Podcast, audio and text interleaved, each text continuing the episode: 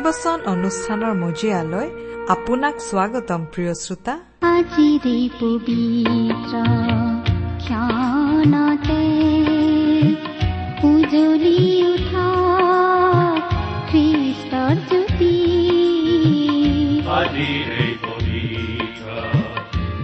প্ৰিয় শ্ৰোতা আপোনাক পুনৰ লগ পোৱাৰ বাবে অশেষ ধন্যবাদ।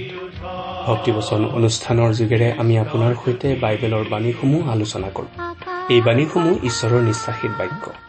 এই বাক্যই আমাৰ চৌপাশে থকা সকলোবোৰ দৃশ্য অদৃশ্য অনেক বিষয়ৰ সৃষ্টি কৰিলে। এই বাক্যই মানুহৰ জীৱন। প্ৰভু যীশুৱে কৈছিল মানুহ কেৱল পিঠাৰে নিজিয়ে কিন্তু ঈশ্বৰৰ মুখৰ পৰা ওলোৱা বাক্যেৰেহে জীৱ। সঁচাকৈয়ে শৰীৰটো নিমিত্তে আমি ভাত পানী ফল মূল খাব লাগে। সেয়াই ঈশ্বৰেই আমালৈ দিছে। কিন্তু আমাৰ আত্মিক আহাৰ ঈশ্বৰৰ বাক্য যদি আমি গ্ৰহণ নকৰো তেন্তে আমাৰ আত্মিক জীৱনটো মৰি যাব। সেইকাৰণে আমি নিয়মিত ঈশ্বৰৰ বাক্য ভক্তিবচনৰ যোগেৰে প্ৰচাৰ কৰি আছো যাতে আপুনি এই বাক্য গ্ৰহণ কৰি ঈশ্বৰৰ জীৱনত জীয়াই থাকিব পাৰে। আহক আজি আকৌ ঈশ্বৰৰ জীৱনদায়ক বাক্য ভক্তিবচন শুনো। তেজৰ তানে নাৰাখে কাকো প্ৰেমৰ ভাষা নুবুজে কোনো নুশুনে কোনো। ইয়াৰ কান্দোন নুবুজে চকুলো কোনোৱে মূল কাহত তোমাৰ যিচুৰ বাদে কোনো নাই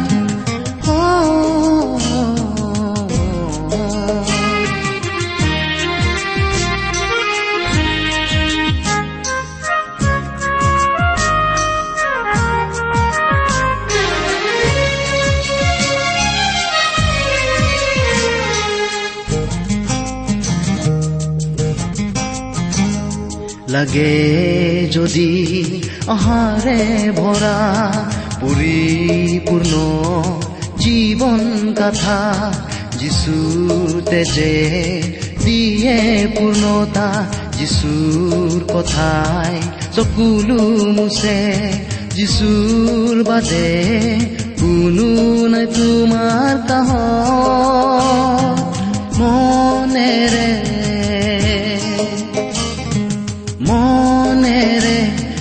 ভাবিছানে কোনো নাই কুতুমৰ কতো নাই জগতৰ যিচুৰ বাদে কোনো নাই। কোনো নাই কুতুমৰ কতো নাই জগতৰ আমাৰ পৰম পবিত্ৰ প্ৰভু যীশুখ্ৰীষ্টৰ নামত নমস্কাৰ প্ৰিয় শ্ৰোতা। আশা কৰো মহান পিতা পৰমেশ্বৰৰ মহান অনুগ্ৰহত আপুনি ভালে কুশলে আছে। লগতে এই বুলিও আশা কৰিছো যে আপুনি আমাৰ এই ভক্তিবচন অনুষ্ঠানটো নিয়মিতভাৱে শুনি আছে। প্ৰিয় শ্ৰোতা এই অনুষ্ঠান শুনি আপুনি কেনে পাইছে আমালৈ চিঠি লিখি জনাবচোন।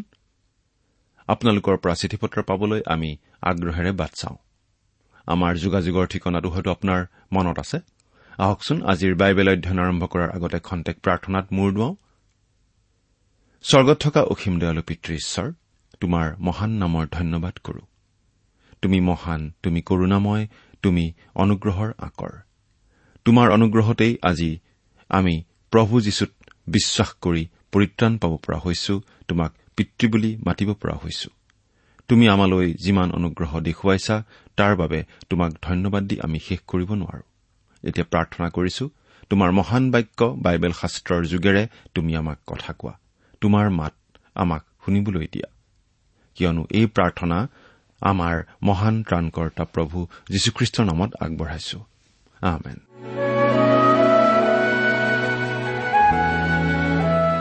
প্ৰিয় শ্ৰোতা আজিৰ অনুষ্ঠানত আমি বাইবেলৰ পুৰণি নিয়ম খণ্ডৰ যিচয়া ভাৱবাদীৰ পুস্তকৰ সাতাৱন্ন নম্বৰ অধ্যায়ৰ পৰা আমাৰ অধ্যয়ন আৰম্ভ কৰিব খুজিছো। আমি আজিৰ অধ্যয়নত প্ৰথমতে এই সাতাৱন্ন নম্বৰ অধ্যায়টোৰ প্ৰসংগখিনি অধ্যয়ন কৰো হওক এই অধ্যায়টোত ধাৰ্মিক আৰু দুষ্টৰ মাজৰ বিপৰীত কথা আৰু ধাৰ্মিকৰ কাৰণে সান্তনা আৰু দুষ্টৰ বাবে দণ্ডাজ্ঞাৰ কথা কোৱা হৈছে। আমি জানো আৰু নিজৰ চকুৰেও দেখি আছো যে দুষ্টসকলৰেই আজি চাৰিওফালে জয় জয় মই মই তেওঁলোকে জীৱন বৰ স্বচ্ছন্দে যাপন কৰিছে। তেওঁলোকে আজি বৰ আৰামৰ জীৱন কটাই আছে। তেওঁলোকৰ উপচি পৰাকৈ টকা পইচা আছে আৰু তেওঁলোকেই আজি সকলোৰে ওপৰত দপদপাই ফুৰিছে। কিন্তু ধাৰ্মিকসকল জগতত আজি অৱহেলিত হৈ আছে। ব্যথিত অভাৱী লোক মানুহৰ নিন্দা আৰু প্ৰতাৰণাৰ পাত্ৰ। তাৰণা ভোগ কৰা ঈশ্বৰৰ মহান দাসৰ পৰিত্ৰাণৰ যোগেদি ধাৰ্মিক গণিত হোৱা এই লোকসকল শেষৰ দিনা বৰ সান্তনাৰ ভাগি হ'ব। আৰু দুষ্টতাৰে জগতত উৎপাত চলাই থকা দুষ্ট লোকসকল ঈশ্বৰৰ প্ৰচণ্ড ক্ৰোধ আৰু সুধবিচাৰৰ সন্মুখীন হ'ব। এতিয়া আমি এই সাতাৱন্ন নম্বৰ অধ্যায়টোৰ এক নম্বৰ পদৰ পৰা তেৰ নম্বৰ পদলৈকে পাওঁ দুষ্ট আৰু ধাৰ্মিক লোকৰ মাজত বিপৰীতধৰ্মী কথা। পদকেইটা পাঠ কৰি দিম শুনিবচোন। ধাৰ্মিক লোক নষ্ট হৈছে। আৰু ইয়াক কোনোৱে মনোযোগ নকৰে। আৰু সাধু মনুষ্যক পৰলোকলৈ নিয়া হৈছে কিন্তু আপদৰ সন্মুখৰ পৰা যে ধাৰ্মিক লোকক নিয়া হৈছে তাক কোনেও বিবেচনা নকৰে। তেওঁ শান্তি গৃহত প্ৰৱেশ কৰে যথাৰ্থ পথত চলা প্ৰতিজনে নিজ নিজ শয্যাত বিশ্ৰাম কৰে। হে মায়াবিনীৰ সন্তান হে পৰশ্ৰীগামী আৰু বেশ্যাৰ বংশ তোমালোক হলে ওচৰ চাপি আহা। তোমালোকে কাক উপহাস কৰিছা? আৰু কাক দেখি আঁ কৰিছা আৰু জীৱা উলিয়াইছা? এলা গছৰ মাজত প্ৰত্যেক কেঁচাপতীয়া গছৰ তলত কামাগ্নিত জ্বলি থকা যি তোমালোক আৰু নানা উপত্যকাত আৰু শিলৰ খুৰুঙত নিজ নিজ ল'ৰাবোৰক বধ কৰোতা যি তোমালোক তোমালোক অধৰ্মৰ সন্তান আৰু মিছাৰ সঁচ নোহোৱানে? উপত্যকাৰ শীতল শিলবোৰৰেই মাজত তোমাৰ ভাগ আছে সেইবোৰেই তোমাৰ আধিপত্য। সেইবোৰৰেই উদ্দেশ্যে তুমি পেয় দ্ৰব্য ঢালিছা আৰু নৈবেদ্য উৎসৰ্গ কৰিছা। সেইবোৰতেই মই জানো প্ৰসন্ন হ'ম। উন্নত আৰু ওখ পৰ্বতৰ ওপৰত তুমি তোমাৰ শয্যা পাৰিলা। বলিদান কৰিবলৈ তুমি সেই ঠাইত উঠিলা। তুমি দুৱাৰ আৰু দুৱাৰৰ খুটাৰ পাছফালে নিজৰ সোঁৱৰণীয় বস্তু ৰাখিছা কিয়নো তুমি মোক এৰি আনৰ আগত নিজৰ কাপোৰ শুলুকাই বিচনাত উঠিলা। তুমি নিজৰ শয্যা বহল কৰিলা। আৰু সিহঁতৰ লগত এটি নিয়ম কৰিলা য'তে সিহঁতৰ শয্যা দেখা ততে সিহঁতৰ শয্যাক ভাল পোৱা। আৰু তুমি গাত তেল ঘঁহি ৰজাৰ ওচৰলৈ যাত্ৰা কৰিলা আৰু অধিক সুগন্ধি দ্ৰব্য ব্যৱহাৰ কৰিলা আৰু দূৰ দেশলৈ তোমাৰ দূতবোৰক পঠালা আৰু চিউললৈকে নিজকে অৱনত কৰিলা। তোমাৰ বাট দীঘল হোৱাত ভাগৰ পালা তথাপি আশা নাইকিয়া বুলি নকলা। তুমি নতুন বল পালা এই হেতুকে তুমি দুৰ্বল হোৱা নাই। তুমি কাৰ বিষয়ে ভয় আৰু শংকা কৰিছা যে তুমি মিছা কথা কোৱা আৰু মোক সোঁৱৰণ নকৰা বা তোমাৰ মনত নাৰাখা? মই বহু দিনৰ পৰা নিজম দি থকাৰ নিমিত্তে তুমি মোলৈ ভয় নকৰা নেকি? ময়েই তোমাৰ ধাৰ্মিকতা প্ৰকাশ কৰিম আৰু তোমাৰ কাৰ্যই হলে তোমাক উপকাৰ নকৰিব। যেতিয়া তুমি কাটৰোক্তি কৰা তেতিয়া তুমি গোটোৱাবোৰে তোমাক উদ্ধাৰ কৰক। কিন্তু সেই আটাইবোৰক বতাহে উৰুৱাই নিব। আৰু এক ফুঁতে সিহঁতক নিয়া হ'ব। কিন্তু যি মানুহে মোত আশ্ৰয় ল'ব সি দেশৰ আধিপত্য পাব আৰু মোৰ পৰ্বতটো অধিকাৰ কৰিব। ধাৰ্মিক লোক নষ্ট হৈছে। জগতৰ নানা সমস্যা চিন্তাক লৈ তেওঁলোক নষ্ট হৈছে কাৰণ তেওঁলোকো এই জগততেই থাকে। ৰোগ ব্যাধি অভাৱ অভিযোগৰ দ্বাৰা প্ৰসাৰিত হৈ তেওঁলোকো নিৰাশ হৈ পৰে। দুৰ্বল হৈ পৰে আৰু কোনো কোনো ধাৰ্মিক চৰম দুখতে চকু মুদে কিন্তু কোনো লোকে সেইবোৰলৈ মন নকৰে। তেওঁলোকক ঈশ্বৰেই যে সেইদৰে লৈ যায় অধিক আপদ বিপদৰ পৰা বিশ্বাসৰ পৰা খহি পৰা মহা বিপদৰ পৰা ৰক্ষা কৰিবলৈ। কিন্তু জগতৰ মানুহে তাক বুজি নাপায় আৰু সেইদৰে তেওঁলোকে শাৰীৰিক মৃত্যু দুৱাৰ নামৰ দুৱাৰেদি পাৰ হৈ গৈ শান্তিৰ গৃহত প্ৰৱেশ কৰে। তেওঁলোকৰ দুখৰ দিন চিৰকাললৈকে শেষ হয়। কিন্তু তিনি নম্বৰ পদৰ পৰা দুষ্টহঁতৰ বিষয়ে চাওক। সিহঁত মায়াবিনী আৰু ব্যভিচাৰীহঁতৰ সন্তান। পৰক উপহাস কৰোতা দুষ্টতাৰে অশ্লীল কথা আৰু অশ্লীল সংকেত বহন কৰোতা কামুক নৰমেধ যজ্ঞৰ লিপ্ত থাকোতা অন্যায় অধৰ্মৰ সন্তান আৰু য'ত মিছাৰ সচ সিহঁতৰ গতি কলৈ? হয় চিউললৈ। ন নম্বৰ পদত আমি এই কথা পাওঁ। এতিয়া আৰামত থাকিলেও এতিয়া অন্যায় অত্যাচাৰ কৰি থাকিলেও সিহঁতৰ শেষ গতি সৰ্বনাশ। চৈধ্য নম্বৰ পদৰ পৰা ঊনৈশ নম্বৰ পদলৈ আমি পাওঁ ধাৰ্মিকসকলৰ সান্তনা লাভৰ বিষয়। সান্তনাৰ বাণীখিনি শুনকচোন।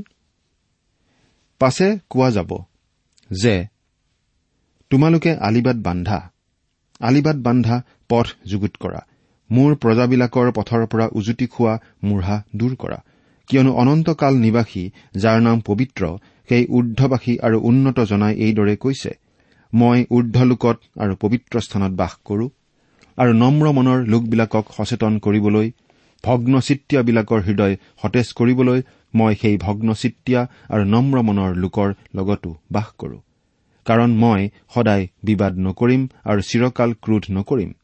কিয়নো কৰিলে আত্মা আৰু মোৰ নিৰ্মিত মনুষ্য মোৰ আগত মূৰ্ছিত হ'ব। মই তাৰ লোভৰ অপৰাধৰ কাৰণে ক্ৰুদ্ধ হৈ তাক মাৰিলো আৰু নিজ মুখ লুকুৱাই ক্ৰোধ কৰিলো। তথাপি তেওঁ বিপথে গৈ নিজ অভিলাষ পথত চলি থাকিল।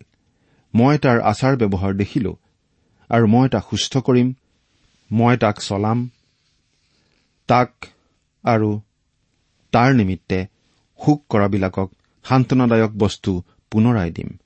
মই ওঠৰ ফল সৃষ্টি কৰো। জিহুৱাই কৈছে ওচৰত থকা আৰু দূৰত থকা উভয়ৰো শান্তি হওক শান্তি হওক আৰু মই তাক সুস্থ কৰিম। তেওঁ যি জনা হয় তাৰ বাবেই তেওঁ ধাৰ্মিকসকলক সান্তনা দিব পাৰে। তেওঁ হয় অনন্তকাল স্থায়ী পবিত্ৰ আৰু ঊৰ্ধবাসী আৰু উন্নত ঈশ্বৰ। এই ধাৰ্মিকসকলে জগতত নিজৰ ওপৰত নাইবা জগতৰ কোনো শক্তিৰ ওপৰত নিৰ্ভৰ নকৰি শেষলৈকে ঈশ্বৰত আস্থা অটুট ৰখাত ঈশ্বৰে তেওঁলোকক মহা সান্তনা দিব পাৰিব। প্ৰাণ ভৰি ভাল পোৱা প্ৰেমিকৰ দুই বাহুৰ মাজত প্ৰেমিকাই আৰু মাকৰ উম ভৰা বুকুৰ মাজত সন্তানে সান্তনা পোৱাৰ নিচিনাকৈ এই ধাৰ্মিকসকলেও ঈশ্বৰৰ দুই বাহুৰ মাজত বৰ সান্তনা পাব যি সান্তনাৰ উপলব্ধি মানুহৰ ভাষাৰে বুজাই দিয়া বৰ টান। আমাৰ ঈশ্বৰ অনাদি অনন্ত ঈশ্বৰ আৰু তেওঁ পাপ দূৰ কৰি পাপৰ উপস্থিতিৰ পৰা আমাক এদিন মুক্ত কৰিব। তাৰ পাছৰ পৰা ঈশ্বৰে আৰু তেওঁৰ ধাৰ্মিক সন্তানসকলক কেতিয়াও খং কৰিব নালাগিব। সেইদিনাও যদি তেওঁলোকৰ দুষ্টতা ত্যাগ কৰি কোনো কোনো দুষ্ট লোক খেদিত অন্তৰেৰে ঈশ্বৰৰ কাষ চাপে সেয়া হ'ব তেওঁলোকৰ বাবে শেষ সুবিধা।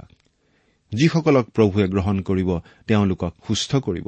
তেওঁলোকক কেৱল ঈশ্বৰেহে শান্তিদান কৰিব পাৰে। বিশ আৰু একৈশ পদত আছে দুষ্ট লোকৰ বাবে দণ্ডাজ্ঞা। পথ দুটা পাঠ কৰিছো শুনিবচোন। বিশ আৰু একৈশ নম্বৰ পদ।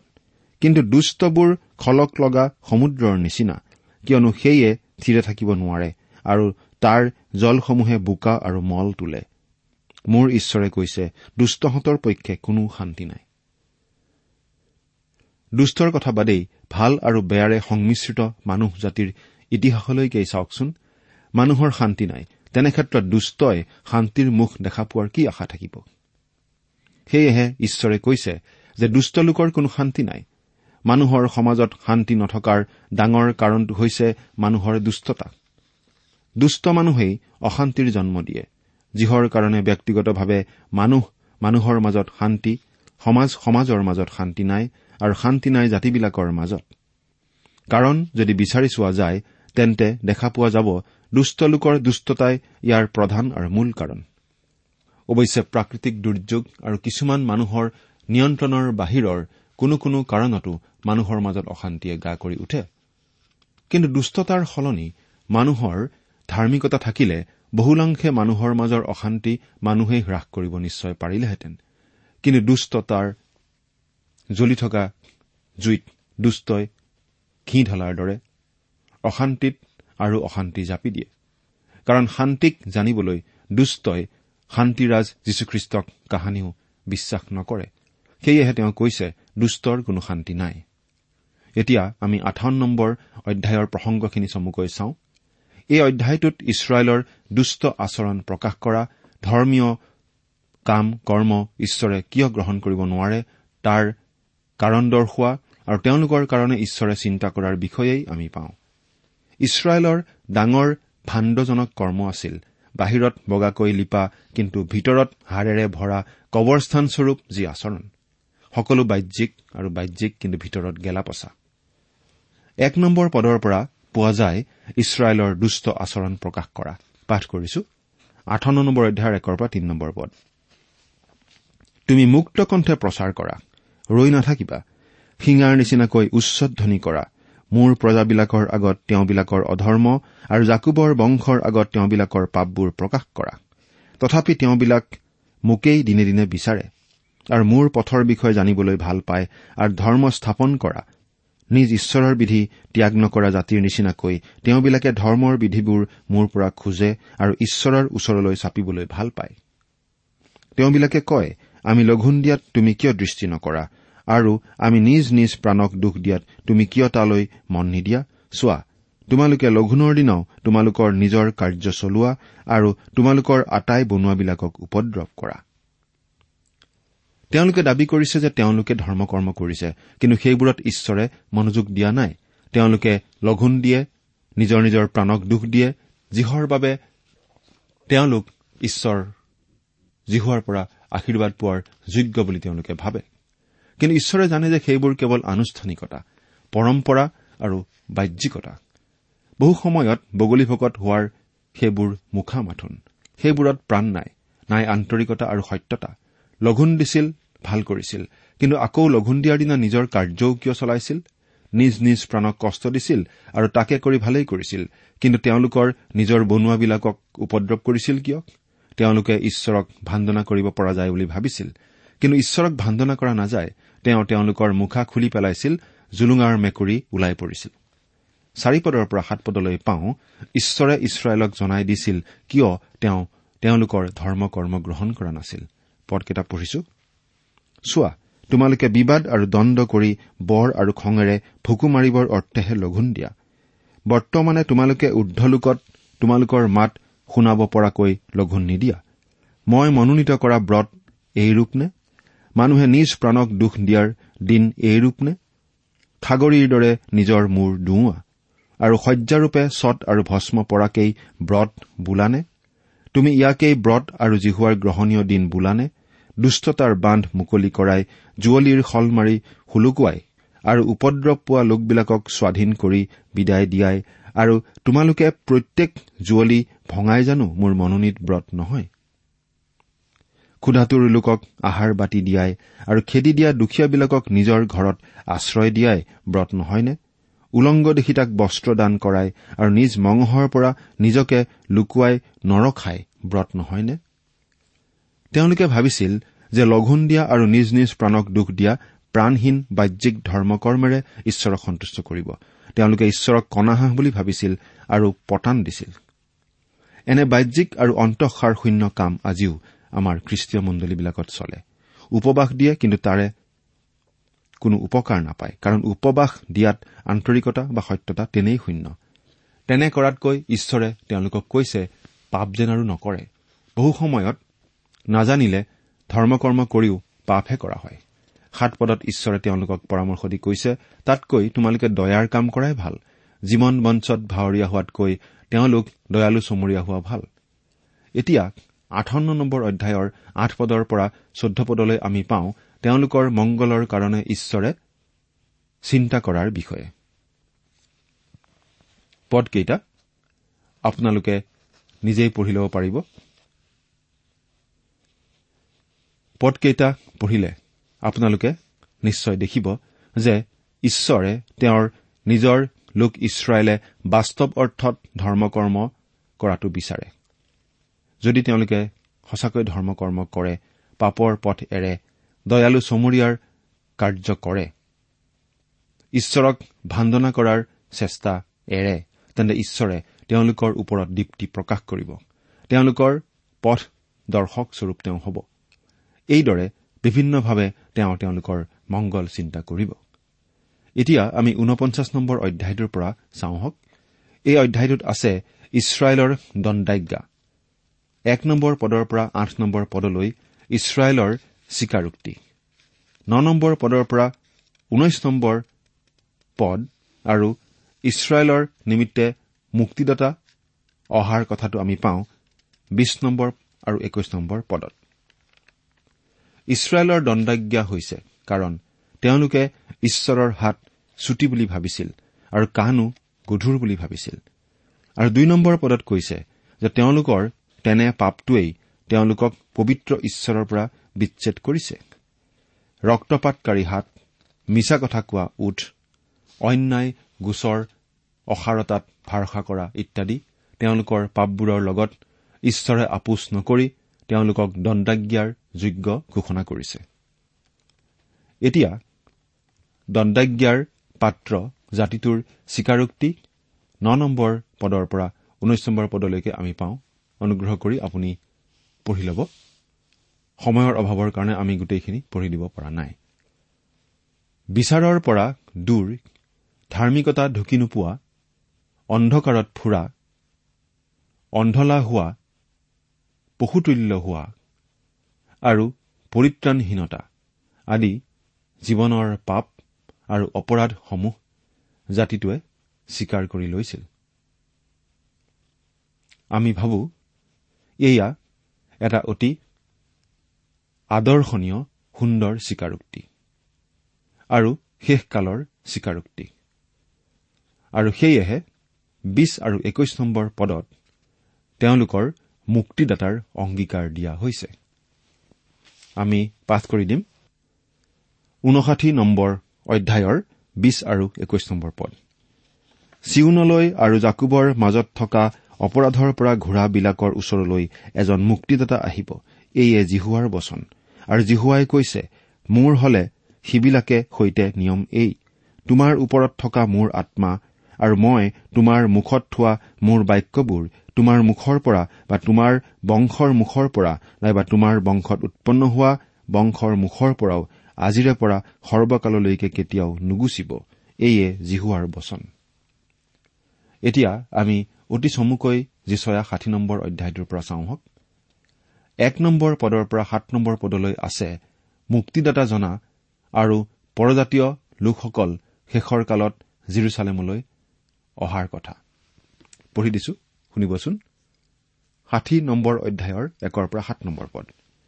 তুমি উঠা দীপ্তি দিয়া কিয়নো তোমাৰ পোহৰ আহিছে আৰু জিহুৱাৰ গৌৰৱ তোমাৰ ওপৰত উদয় হৈছে। কাৰণ চোৱা আন্ধাৰে পৃথিৱীক আৰু ঘূৰ অন্ধকাৰে লোকসমূহক ঢাকিব কিন্তু জিহুৱা তোমাৰ ওপৰত উদয় হ'ব আৰু তোমাৰ ওপৰত তেওঁৰ গৌৰৱ প্ৰকাশিত হ'ব আৰু জাতিবিলাক তোমাৰ পোহৰৰ ওচৰলৈ আৰু ৰজাবিলাক তোমাৰ উদয় হোৱা দীপ্তিৰ গুৰিলৈ আহিব। তুমি নিজৰ চকু ফুৰাই চাৰিওফালে চোৱা তেওঁবিলাক সকলোৱে গোট খাইছে তোমাৰ ওচৰ চাপিছে তোমাৰ পুত্ৰবিলাক দূৰৰ পৰা আহিছে আৰু তোমাৰ জীয়েৰাহঁতক কাষতকৈ অনা হৈছে। সেই কালত তুমি দেখি প্ৰফুল্লিত হবা আৰু তোমাৰ হৃদয় ধপ ধপ কৰি আনন্দত ফুলি পৰিব। কিয়নো সমুদ্ৰৰ প্ৰচুৰ ধন তোমাক দিয়া যাব আৰু জাতিবিলাকৰ সম্পত্তি তোমাৰ ওচৰলৈ আহিব। উটসমূহে মিডিয়ন আৰু ঐফাৰ ডেকা উটবোৰে তোমাক ঢাকি পেলাব। সেই আটাইবোৰ চিবাৰ পৰা আহিব। সেইবোৰে সোণ আৰু কুন্দুৰো লৈ আনিব আৰু জিহুৱাৰ প্ৰশংসা ঘোষণা কৰিব। কেদৰৰ আটাই ভেড়াৰ জাক তোমাৰ ওচৰত গোট খাব আৰু নবায়ুতৰ মতা মেৰবোৰে তোমাৰ পৰিচৰ্যা কৰিব।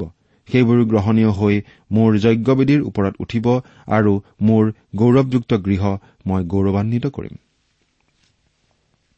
ভৱিষ্যতে ইছৰাইল জাতিৰ ওপৰলৈ কেনেকুৱা আশীৰ্বাদৰ দিন আহিব সেই কথা এনেদৰে ঈশ্বৰে জনাই দিছিল। এতিয়া আঠ নম্বৰ পদৰ পৰা চৈধ্য নম্বৰ পদলৈ আছে ইছৰাইলৰ সন্তানসকল জিৰচালেমলৈ ঘূৰি অহাৰ কথা। পাঠ কৰি দিছো। মেঘৰ নিচিনাকৈ আৰু নিজৰ বাঁহৰ সুমোৱা বাটলৈ অহা কপৌৰ নিচিনাকৈ উৰি অহা এইবিলাক কোন? নিশ্চয়ে দ্বীপবোৰে মোলৈ অপেক্ষা কৰিব। আৰু তোমাৰ ঈশ্বৰ জীহুৱাই ইছৰাইলৰ পবিত্ৰ জনাই তোমাক গৌৰৱান্বিত কৰাৰ কাৰণে তেওঁৰ আৰু তেওঁৰ নামৰ নিমিত্তে ৰূপ আৰু সোণেৰে সৈতে দূৰৰ পৰা তোমাৰ সন্তানবিলাকক আনিবলৈ টৰ্চিছৰ জাহাজবোৰ আগ হ'ব। আৰু পৰজাতিবিলাকে তোমাৰ গড় পুনৰাই গাঁঠিব আৰু সিহঁতৰ ৰজাবিলাকে তোমাৰ পৰিচৰ্যা কৰিব। কিয়নো মই যেনেকৈ তোমাক কোপত প্ৰহাৰ কৰিছিলো তেনেকৈ অনুগ্ৰহত তোমালৈ দয়াও কৰিলো। লোকবিলাকে যেন পৰজাতিবিলাকৰ ধন সম্পত্তি আৰু বন্দী কৰি অনা সিহঁতৰ ৰজাবিলাকক তোমাৰ ভিতৰলৈ আনিব পাৰে এই নিমিত্তে তোমাৰ বৰ দুৱাৰবোৰ সদায় মেলা হৈ থাকিব। দিনত কি ৰাতিত কেতিয়াও বন্ধ কৰা নহ'ব। কিয়নো যি জাতি আৰু যি ৰাজ্যই তোমাৰ অধীনতা স্বীকাৰ নকৰিব সেই উভয়েই বিনষ্ট হ'ব। এনেকি সেই জাতিবিলাকক নিচেইকৈ ধ্বংস কৰা যাব। লিবানুনৰ গৌৰৱ তোমালৈ আহিব দেৱদাৰু তীধৰ আৰু তাচুৰ গছ একেলগ হৈ মোৰ পবিত্ৰ স্থান ভূষিত কৰিবৰ অৰ্থে আহিব আৰু মই মোৰ চাৰণৰ ঠাই প্ৰতাপযুক্ত কৰিম। আৰু তোমাক কষ্ট দিয়াবিলাকৰ সন্তানবোৰৰ মূৰ দুৱাই তোমাৰ ওচৰলৈ আহিব আৰু তোমাক সেয়জ্ঞান কৰা সকলোৱে তোমাৰ ভৰিৰ তলত দীঘল দি পৰিব আৰু তোমাক জিহুৱাৰ পুৰি ইছৰাইলৰ পবিত্ৰজনাৰ চিউন বুলি সম্বোধন কৰিব। এৰা এসময়ত ঈশ্বৰে এনেদৰে জিৰচালেমক সন্মান দান কৰিব। ইছৰাইল জাতিক পুনৰ স্থাপিত কৰিব। প্ৰিয় শ্ৰোতা ঈশ্বৰে ইছৰাইলৰ বিষয়ে কৰা এই ভাৱবাণীসমূহক লৈ আমি এটা কথাই আজি জানিব পাৰো যে ঈশ্বৰে ইছৰাইলৰ বাবে যিদৰে সেই সকলো মনোনীত কৰি থৈছে প্ৰতিজন খ্ৰীষ্টীয় বিশ্বাসীৰ বাবেও সেই গৌৰৱৰ দিন মনোনীত কৰি থৈছে। খ্ৰীষ্টত বিশ্বাস কৰি তাৰ নিশ্চয়তা আমি এই জীৱনতেই লাভ কৰিব পাৰো। সেই নিশ্চয়তা আপুনি লাভ কৰিছেনে? চিন্তা কৰি চাওকচোন ঈশ্বৰে আপোনাক আশীৰ্বাদ কৰক আমি মাথো বিপদ দেখা প্ৰিয় শ্ৰোতা ইমান পৰে আপুনি বাইবেল শাস্ত্ৰৰ পৰা ঈশ্বৰৰ বাক্য শুনিলে। এই বিষয়ে আপোনাৰ মতামত জানিবলৈ পালে আমি নথৈ আনন্দিত হ'ম। আমি প্ৰস্তুত কৰা বাইবেল অধ্যয়নৰ চিডিসমূহ পাব বিচাৰিলে আৰু অনুষ্ঠানত প্ৰচাৰ কৰা কোনো কথা বুজিব লগা থাকিলেও আমালৈ লিখক। আমাৰ যোগাযোগৰ ঠিকনা ভক্তিবচন ট্ৰান্সৱৰ্ল্ড ৰেডিঅ' ইণ্ডিয়া ডাক বাকচ নম্বৰ সাত শূন্য গুৱাহাটী সাত আঠ এক শূন্য শূন্য এক। ঠিকনাটো আকৌ এবাৰ কৈছো ভক্তিবচন ট্ৰান্সৱৰ্ল্ড ৰেডিঅ' ইণ্ডিয়া ডাক বাকচ নম্বৰ সাত শূন্য গুৱাহাটী সাত আঠ এক শূন্য শূন্য এক। আমাৰ ইমেইল এড্ৰেছটো হৈছে Assamese T TV at the rate radio' eight eight two dot com আমাৰ website W W W dot T W R dot in আপুনি টেলিফোনৰ মাধ্যমেৰেও আমাক যোগাযোগ কৰিব পাৰে আমাৰ টেলিফোন নম্বৰটো হৈছে nine eight five four zero' four zero' eight eight nine phone নম্বৰটো আকৌ এবাৰ কৈছো ন আঠ পাঁচ চাৰি শূন্য চাৰি শূন্য আঠ আঠ ন আপুনি এই ভক্তিবচন অনুষ্ঠানটি আমাৰ website W W W dot radio' eight eight two dot কমতো শুনিব পাৰিব। আজিৰ অনুষ্ঠানটি ইমানতেই সামৰিছো। ঈশ্বৰৰ শান্তি আৰু অনুগ্ৰহ আপোনাৰ লগত থাকক। ধন্যবাদ।